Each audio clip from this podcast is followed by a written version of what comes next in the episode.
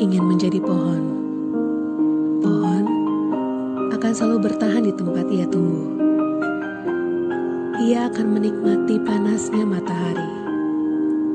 Walau matahari begitu jauh dari dirinya, tapi pohon akan selalu percaya cinta matahari akan membuatnya hidup lebih lama lagi, seperti hujan yang jatuh ke bumi.